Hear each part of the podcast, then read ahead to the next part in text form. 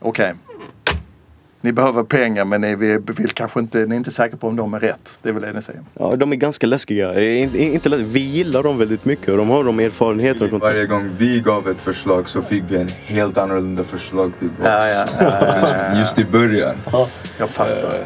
Så Lite stressigt. Ja, jag förstår att det är stressigt. Mm. Det är, men samtidigt, det är som du säger, det är ju en rätt spännande situation ni befinner er i. Men de här, ja, de, de vi pratar med, våra potentiella investerare, de är hajar. Hans crew av investerare och alla är hajar och vi är unga. Så vi har fått den här pushen från dem. Det är lite läskigt att vara.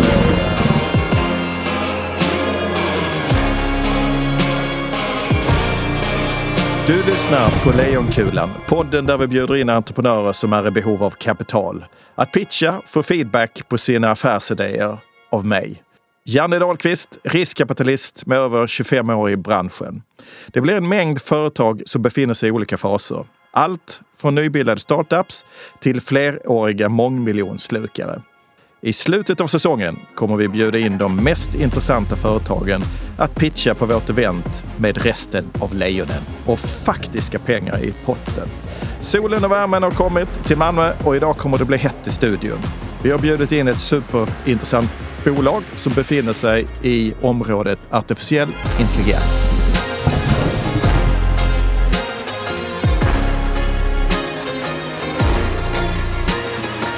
Välkommen till Lejonkulan Abdullah Salman, VD och medgrundare på Inframotion Labs. Tack så mycket. Det är nog inte så många som har hört talas om er. Eh, ni registrerade bolaget för bara några månader sedan och eh, ni jobbar med artificiell intelligens och har en produkt som automatiskt kan upptäcka bland annat snattare i övervakningskameror. Kan du berätta lite, hur, hur går det till?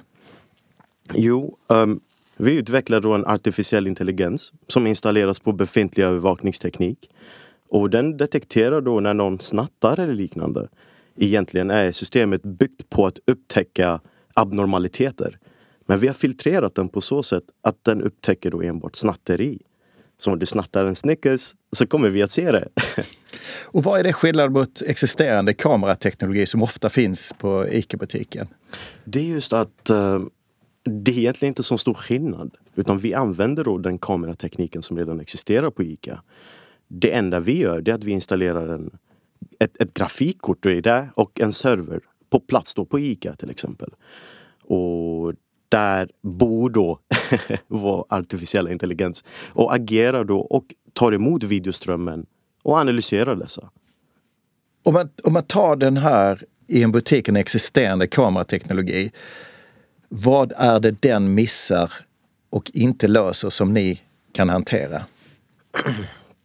Så till exempel den butiksägaren vi har dialog med. ehm, när, när någon snattar så måste han då springa till serverrummet, kunna hitta den kameran som har påstått har sett då den som har snattat och försöka spola tillbaks allting och sedan klippa ut det, redigera det på något sätt och ge det till polisen. Och oftast händer det ingenting. Två av tre butikshandlare Ehm, eller butiksägare rapporterar aldrig snatteri för det händer inget. Ehm, och manuell övervakning, alldeles för dyrt. Och man sitter och tittar på 48 videoströmmar i realtid.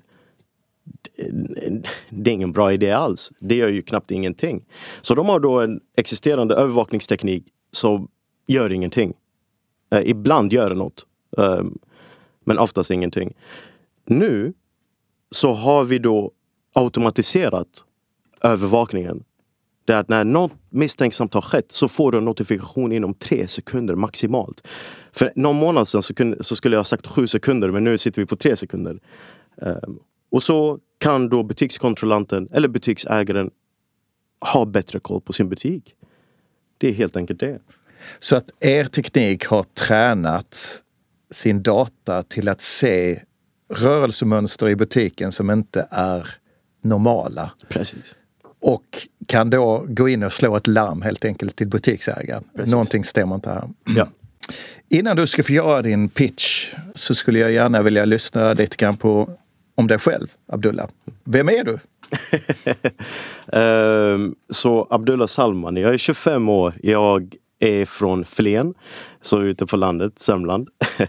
Eh, flyttade ner hit till Lund för att plugga år 2018 och har pluggat faktiskt eh, statsvetenskap och ekonomi och även utfört lite kurser inom AI och liknande. Uh, men mitt intresse är fram, framför allt då entreprenörskap. Um, och uh, det är jag då den här snabba bakgrunden. Um, men jag och min uh, kollega då, medgrundare Nor, vi har alltid varit intresserade av entreprenörskap. Så vi har alltid prövat, framförallt i början då e-handel prövade vi det. Fick väldigt mycket kunskaper eh, och sålde vidare till med våra bolag. Men nu så har vi då skapat ett bolag som vi verkligen brinner för. Um, och jag tror att det, att det är just på grund av vår historia tillsammans genom e-handel och liknande. Vad jag förstår så har du entreprenörskap i släkten. Oh, jajamän! um, så familjen då har flertals bolag. Nästan alla familjemedlemmar har någon, någon form av projekt på gång. Lejonkulan produceras av nyhetsbyrån Rapidus i samarbete med Ålandsbanken. Och på Ålandsbanken så är det två saker som står i fokus. Det är dels den personliga relationen och det är dels tillgängligheten. Det är en tillgänglighet som få andra kan matcha. Kunderna, och det gäller även mig inkluderat, får alltså en storbanks tjänsteutbud, men med den lilla, lilla bankens omtanke. Vi vill rikta ett stort tack till Ålandsbanken för att ni stödjer Lejonkulan. Varsågod Abdullah Salman och gör din pitch. Vi utvecklar artificiell intelligens för säkerhetsindustrin och den, det gör vi just för att vår bakgrund, ehm, just för att vi är så politiskt insatta. Inte i det för men vi är intresserade av politik och liknande och det börjar bli allt för otryggt i Sverige. Eh, vi talade med en spaning, tidigare spaningschef från polisen och sa att vi har inte tillräckligt med resurser för att kunna agera på allting. Men då tänkte vi artificiell intelligens. Det bör kunna lösa resursproblemet. Och vi tror verkligen på det. Så vad vi gjorde, det är att vi utvecklade en image processing system som kan då detektera abnormaliteter. Har du på dig en kniv? Om vi har infraröda kameror så kan vi se att du har på dig kniven i dina kläder. Tar du ut din kniv så kan vi använda befintlig övervakningsteknik och skicka då en notifikation inom några sekunder till polisen eller kanske butikskontrollant på ICA till exempel. Så det är vad vi gör då på Information Labs eh, på LU Innovation. Kan du ge oss lite grann Uh, information om interference rate, det vill säga det är den hastighet som hanterar själva datan. Och interference är egentligen slutledningsdata på svenska. Kan ja. du ge oss lite mer input kring det? Definitivt. Uh, vi hade ett stort problem med interference i början för eftersom 48 kameror på den ICAn vi arbetar på till exempel in, i realtid kunna analysera det och ge notifikationer. Så vad vi har gjort är att vi har ett grafikkort som är otroligt starkt och kan då hantera computations, så många olika beräkningar samtidigt. Så vi har till exempel 44 miljoner parametrar just nu. Den kan beräkna det eh, just nu på ungefär ja, 0,3 sekunder ungefär till en sekund och skicka notifikation baserat på nätverket. Men det som är viktigt i det här tillfället är att AI, dens algoritmer, måste vara lightweight. Den kan inte vara heavyweight. Då hade det inte funkat. Då hade det tagit otroligt lång tid. Det hade varit mycket, väldigt kostsamt, tagit mycket elektricitet. Men det vi har gjort, det är att vi har tagit in bland annat konsulter som har hjälpt oss att kunna göra den mer lightweight. Att ha mindre beräkningar eh, på parametrarna framför allt. Och kunna ha då en helt vanlig grafikkort inte så helt vanligt, utan det kostar en, en krona. Men eh, inference-problem har vi då, vi har inte det längre. Det finns ju en trade-off mm. att ni vill ju ha ett snabbare interference rate till mm. kunden. Ett snabbare och mer precis i noggrannhet. Mm. Men ju mer ni jobbar med snabbheten och hastigheten så ökar det kravet på beräkningsmässiga datan och minskar noggrannheten. Ja. Hur hanterar ni det? Så när vi eh, minskar no noggrannheten, kan du förklara lite bättre? Så vilken typ av noggrannhet? Är det accuracy? Ja, mm. accuracy rate. Också då eh, den noggrannhet i data som, som, som gör att kunden kan omedelbart se att det är en korrekt bildanalys. Just det. Um, så det... vi, vi har faktiskt haft lite problem med det i början men nu har vi eliminerat det. Och det är ju så här fast positive som jag har mycket problem med. När, när du förbättrar din inference rate och gör det mer lightweight så skippar du vissa beräkningar um, som kanske kan vara väldigt viktiga. Då hur den hanterar datan, beräknar det och identifierar saker och ting och liknande. Men vi, vi märkte då att om du har en diversifierad databas och kopplar ihop nätverkssystemet då eh, med grafikkorten och servrarna från ICAN till exempel till oss, till våran serverhall. Um, så är det inga problem. Det, det, har inte minskat någon noggrannhet alls faktiskt. Hur som helst, vi har ett till problem. Det har då inte med direkt inference rate att göra, utan det är mer människobeteende. och den kan man aldrig förutspå. Men det är ungefär typ så här, om du går in eh, på ICA och så tar du fram din lur två, tre, fem, sex, sju gånger och stoppar in den i fickan. Där kan AI bli väldigt förvirrat och fatta fel beslut. Då får man en fas positiv. Men det som är bra, det är att vi, vi försöker faktiskt eliminera detta. Men även när en fast positiv kommer då till butiksägaren så kan butiksägaren säga att ah, det här är en fast positiv och skicka då en notifikation till oss via vår app. Att det här stämmer inte. Det måste ju bli rätt så att säga för kunden. För att det skulle ju vara en katastrof för butiksägaren att gå på en kund som inte har tagit någonting i butiken. Jajamän. Så att ert system måste, alltså noggrannheten i datan, i analysen måste vara hundraprocentig. Var ligger ni idag? Ja, väldigt bra fråga. Så vi har um, den första modellen vi skapade låg på 85 procent um, och var overtrained. Uh, vi tyckte att nej, en första modell kan inte ligga på 85 procent. Så vi delade upp det i många olika, vi kallar babymodeller som vi sammanställde till en större modell. Uh, då har vi fått ut en mer realistisk accuracy och den ligger på 68 procent. Uh, och vi vill höja den till 90 och det kommer nog att ske inom de kommande två veckorna. Och när ni lanserar den, om du skulle säga så här, hela lösningen, hur många procent är okej okay då? Eh, så nu när vi lanserade den i början, som är faktiskt vår betaversion, det är ungefär, ehm, jag skulle säga 70 procent är, är ganska bra. Ehm, då när vi utvecklar det med de kommande butikerna som vi ska samarbeta med, ehm, den notifikationen vi får från dem och den data vi får från dem, så kommer vi kunna höja det mot nästa år. Så 70 är jättebra nu i början. Nästa år så vill vi verkligen vara på 90 ungefär. Om du skulle på något sätt sammanställa vad som är, är er unikitet och kärnkompetens med denna lösning, vad är det? Det är just att vår AI hanterar då eller detekterar abnormaliteter. Och att vi implementerar det till och med på infraröda sensorer. Så vi kan använda infraröda kameror och vanliga kameror och vi upptäcker då abnormaliteter. Det har vi har inte sett något liknande case då i EU. Vi har tittat på det tillsammans med vår avdelning och liknande. Vi har sett nischade cases, till exempel som för snatteri eller liknande. Men just att den är lightweight, att den kan upptäcka all form av abnormalitet. Det är det som gör oss unika. Och den tredje, som faktiskt inte har något med vår produkt, men det är faktiskt våra kollegor. De är ganska unika eh, och väldigt kreativa.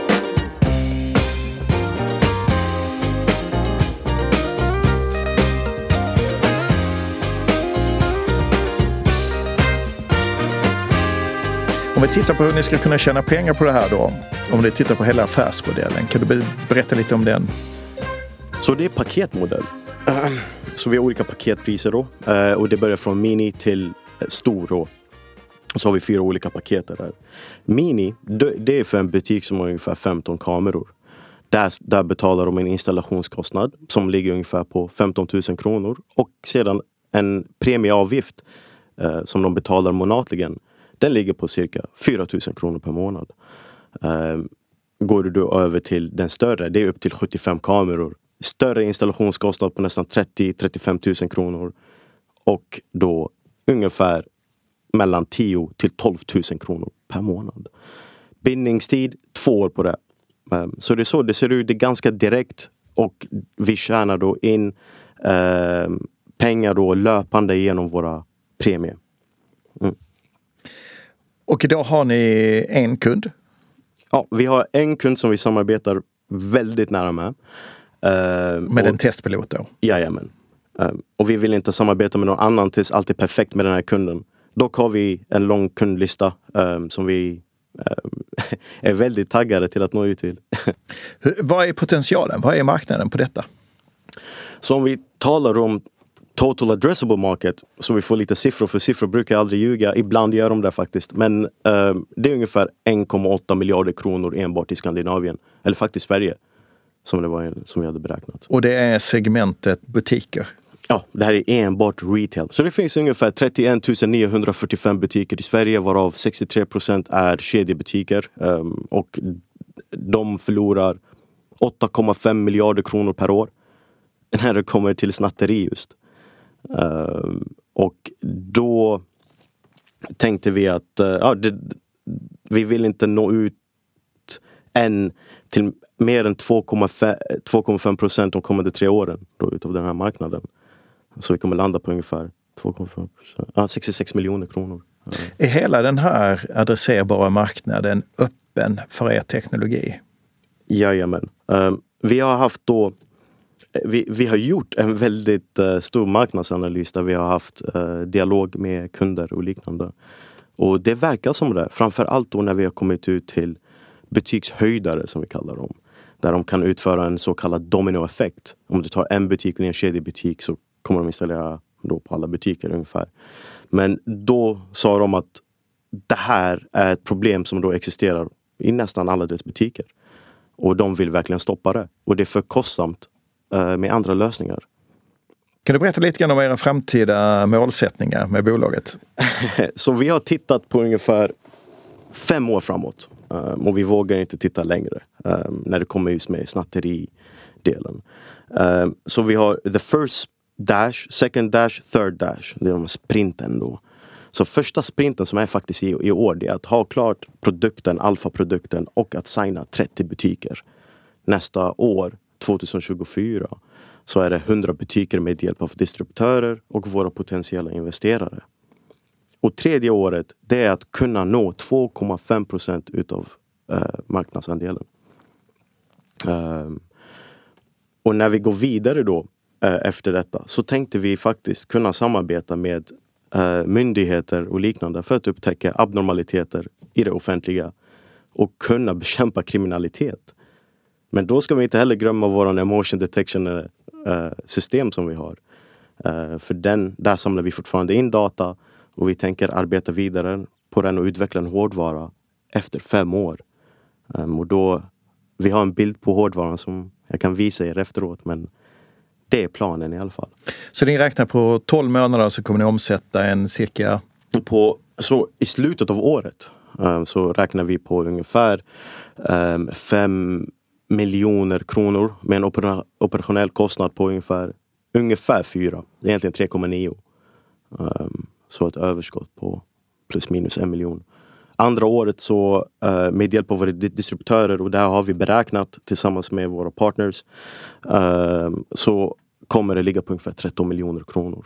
Um, med operationell kostnad på ungefär 8. Mm. Så själva distributionen kommer ske via partner? Jajamän. Ehm, vi, fick, vi har haft tre tekniska genombrott i år. Det senaste fick vi igår. Och det var att vi kan nu uh, skala upp det själva. Så det här med, med partners för, för, för, nästa år, vi kommer att börja tänka om där. Um, för nu är det mycket enklare för oss att köpa in redskap och skeppa ut det från Lund till våra kunder med AI. Um, ehm, så det är så det ser ut just nu.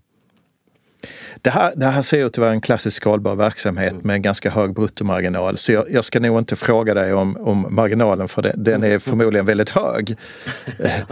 Eh, men ni är ju relativt snabbt kassaflödespositiva.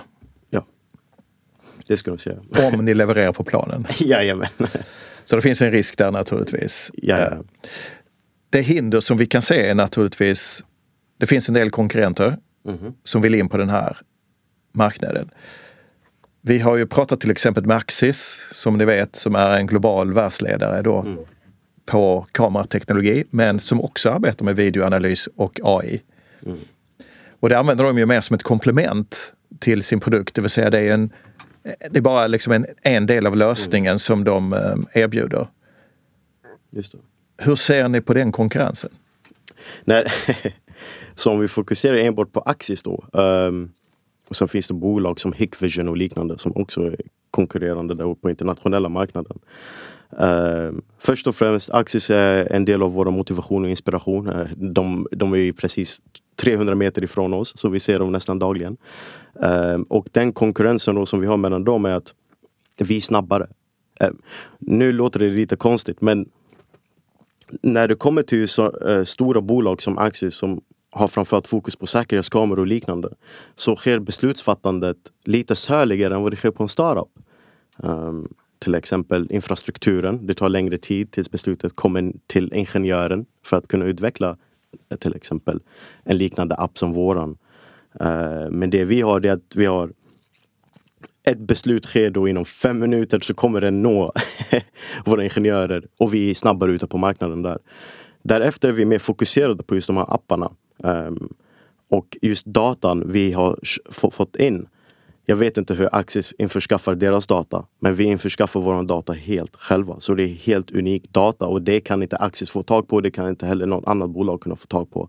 Det är vi som införskaffat det. Så det är så konkurrensen ser ut. Och just bara ba, ba för att tillägga, de kunderna vi arbetar med har Axis säkerhetskameror. Så det är den övervakningstekniken vi faktiskt arbetar med. Så vi ser inte Axis direkt som konkurrenter utan vi ser dem framförallt som motivation och de har underlättat marknaden för oss. När vi tittar från investerarperspektivet mm. på artificiell intelligens och vem som kommer tjäna pengar eller göra avkastning på det så ser vi ju ganska tydligt att vinnarna är ju faktiskt storbolagen som, som bara lägger på då artificiell intelligens på sin produktteknologi eller vad det är de man erbjuder. Just det. Och då tänker man ju omedelbart på uh, att Axis har en enorm fördel att, att leverera då kamerateknologin och kan hänga på med er lösning egentligen. Men du menar alltså att ni har en helt annan konkurrensfördel genom att ni tar tillgång till datan? Ja, just att det, att det är våran data och just nu så har vi sett då när vi talat med alla butiksägare som har Access-kameror, då har de ingen. De, de använder ingenting från Access. Jag tror, det här, jag vet inte hur det här kommer att låta, men jag tror att Access inte är lika fokuserade på dessa appar så som X-Protect Milestone, ett danskt amerikanskt bolag. Där har de flesta butiksägare runt om i Sverige deras parametrar, deras appar på Access-kameror. Men det är ingen som har, som vi har sett, Access-appar på Access-kameror. Um, ehm, så vi ser inget problem med det alls um, när det gäller konkurrensen. Men definitivt har du rätt, storbolagen vinner oftast med AI. Uh, ehm, men vi har inte sett Axis um, neka oss den möjligheten. Är det någon annan konkurrent som du vill nämna i sammanhanget? Ja, men två stycken. två stycken konkurrenter, bland annat från Tyskland och Frankrike. Vi har en som kallas för Signatrix som ah, fokuserar mest på snatteri då. Uh, inhemskt i Tyskland. Um, de snittar mellan 5 miljoner euro per år ungefär. Uh, riktigt bra bolag, professionella. Sen har vi Vision. De är från Frankrike. Uh, de startade förra året inhemskt och internationellt. Uh, inom nio månader 150 miljoner kronor fick de in. Och dessa är våra konkurrenter. Men inga av dem existerar i Skandinavien.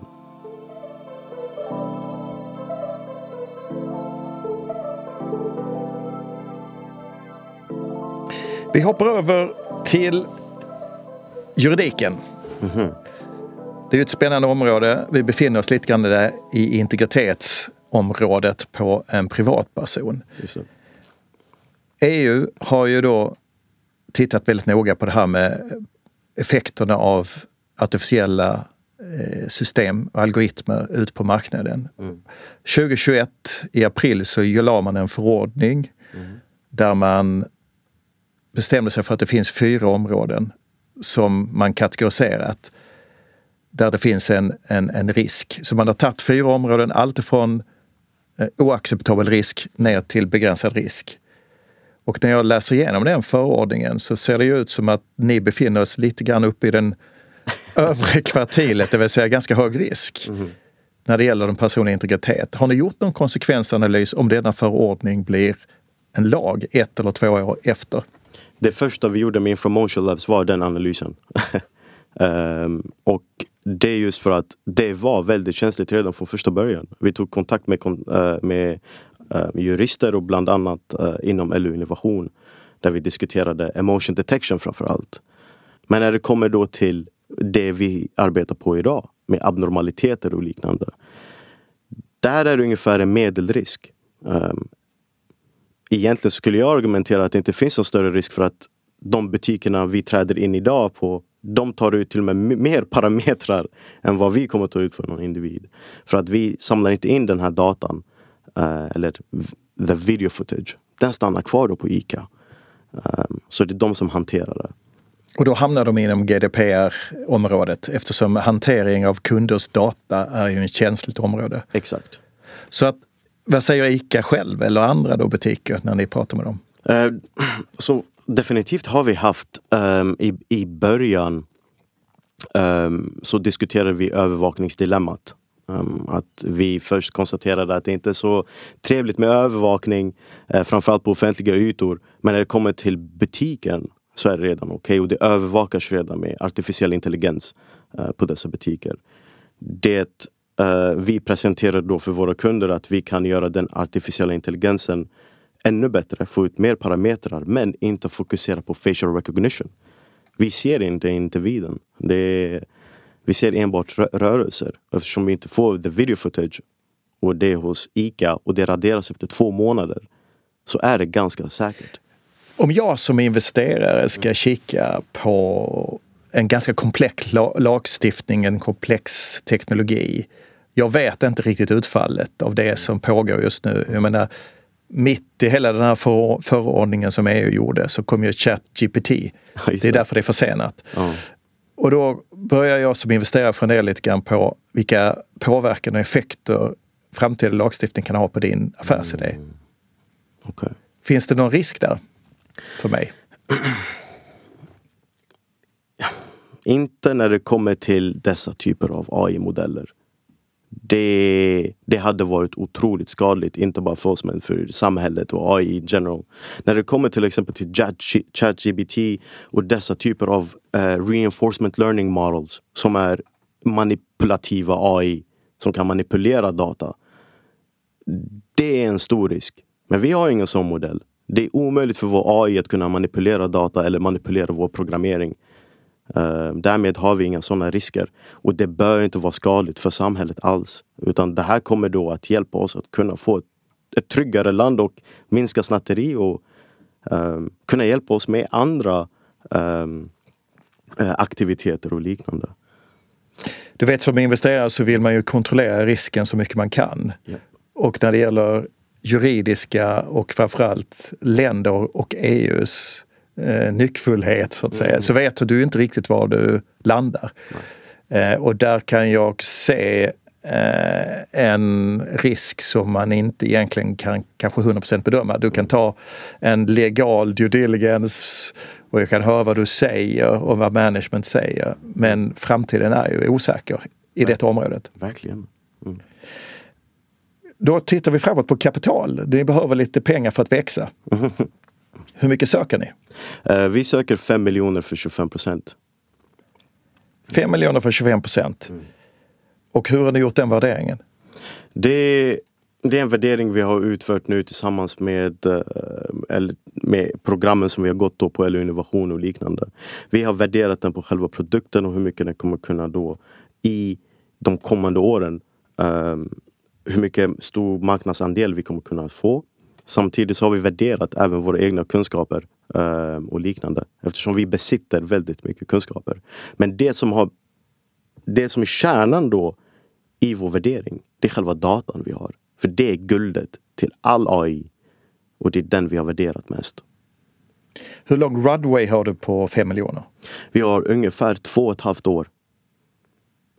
Ni har ganska låga omkostnader med andra. Er burn rate är låg så att säga. Ja, det är Och då kommer ju naturligtvis frågan, behöver ni kapital? Det är en, det är en jättebra fråga. Ehm, och definitivt så har vi funderat på om vi faktiskt behöver det eller inte. Ehm, anledningen till varför vi behöver då egentligen, det är för lönekostnader och att kunna dedikera all tid som vi brukar säga, det är egentligen åtta timmar per dag man ska arbeta, men vi arbetar 12 till 16 eh, då på Information Labs. Um, och att kunna då öka motivationen då för laget. Framför allt om vi har de här pengarna, då, 5 miljoner för 25 procent, så behöver vi inte skala upp med partners. På grund av det tekniska genombrottet vi fick igår med att vi kan skeppa ut allting. Um, men frågan då om vi kan landa kunder inom de kommande månaderna som täcker vår burn rate, då är det en helt annan femma. Um, och vi läste definitivt krönikan uh, du skrev och det fick oss att fundera lite. Så jag har inte ett, ett starkt svar på detta. Um, vad, vad, vad, säger du? Eller vad skulle du ge för rekommendation till en startup som oss? Den första reflektionen när jag tittar igenom så är jag ganska imponerad att ni har haft ett begränsat startkapital. Ni har inte behövt så mycket pengar. Nej för att köra igång det här. För ni har ett team på, vad är det, fem, sex personer? Sex personer. Sex personer ja. Ni har väldigt nischade produkter inom säkerhet mm. där ni egentligen bara använder existerande kamerateknologi som ni hänger på, mm. vilket är en stor fördel. Ni skapar väldigt stort värde för en ICA-butik. Mm. Ni har en hyggligt stor användarbas ni arbetar inom svensk lagstiftning idag som kan bli europeisk lagstiftning på sikt. Så ni kan bygga ett kassaflöde ganska tidigt. Eh, och därför som jag ser det så passar ju inte någon fondmodell riktigt in hos er. Okay. Utan ska ni ta in pengar som lite grann mer som reservkapital mm. för säkerhets skull så att, tycker jag att ni ska titta på något, någon affärsängel. Det vill säga smart kapital, en person som kanske har erfarenhet av den här industrin, säkerhet, mm. som kan hjälpa er och som kan bidra med någonting mer än pengar. Okay. Så jag skulle personligen, med tanke på att ni relativt omgående enligt planet kommer få ett positivt kassaflöde, okay.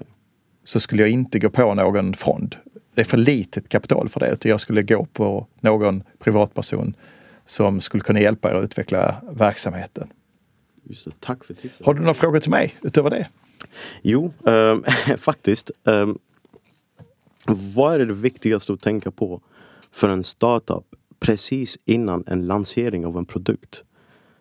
Och även patent. De här två frågorna som vi har eh, förberett idag. Så Ja, för det första så är det ju en, eh, frågan är egentligen om man omformulerar det. Hur får jag en framgångsrik lansering? Ja, det... Och där är det ju det klassiska svaret, lova inte för mycket till kunden. Mm. Utan leverera exakt det ni har sagt till kunden. Eh, för att ni får ofta inte en andra eller tredje chans. Så den måste sitta. Hellre vänta på lanseringsdatum än att vara för tidigt ute se till så att verkligen lösningen funkar. När det gäller IP-skydd och liknande, så jag tror jag skrev om det i krönikan också, mm. så är det dessvärre att man snabbheten är viktigare än att lägga för mycket pengar och resurser på att skapa ett IP-skydd. Okay. Har ni idag något IP-skydd? Uh, vi påbörjade med advokatfirma igår uh, för att titta på det. Och deras rekommendation är? IP-skydd. IP-skydd, ja. Givetvis. Mm. de arbetar i den branschen. Ja, exakt. Men det är givetvis, jag säger inte att ni inte ska ha IP-skydd. Jag säger bara att kör på så mycket som möjligt och överbetona kanske inte IP-skyddet. Mm. Och nästa fråga är naturligtvis, går det att få IP-skydd på den här typen? För ni, teknologin är ju given och tagen och generisk. Just det. Ehm, så det, och, och, och, det är alltid svårt också att patentera algoritmer. Men det vi tittar på det är att vi kommer sätta oss ner med advokaterna väldigt snart och kunna titta på olika typer utav ja, vad som existerar i vår lösning. Ehm, de tekniska bitarna. För det finns en, en liten um, hemlighet då i techbolagen.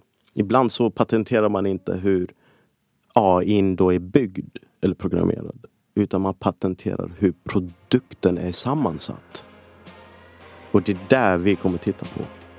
Tack ska du ha Abdullah Salman. Det var väldigt intressant från Inframotion Labs. Tack så hemskt mycket. Du har lyssnat på Lejonkulan, en podd från nyhetsbyrån Rapidus i samarbete med Ålandsbanken. Jag heter Janne Dahlqvist och producent idag har varit Emiliano Strauss.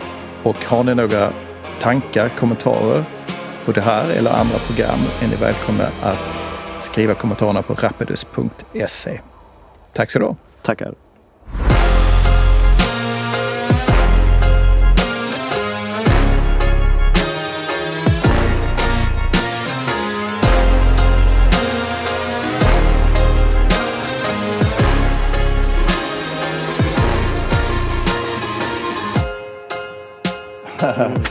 Du vad duktig du är. Ärligt talat. Jäklar vad bra du är. Det känns otroligt naturligt. Du kunde ju svara på allt. Tack så mycket.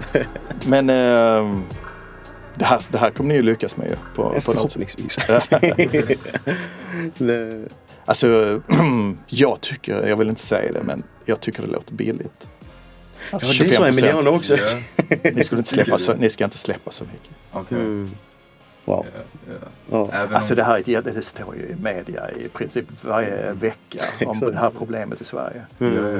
Eh, så, så jag menar det är ett superhett område. Mm. Och då ska ni inte släppa, speciellt inte i början för att om det är så att ni satsar vidare sen, Skandinavien, ni kanske till och med Europa på sikt, och då har ni släppt för mycket i början.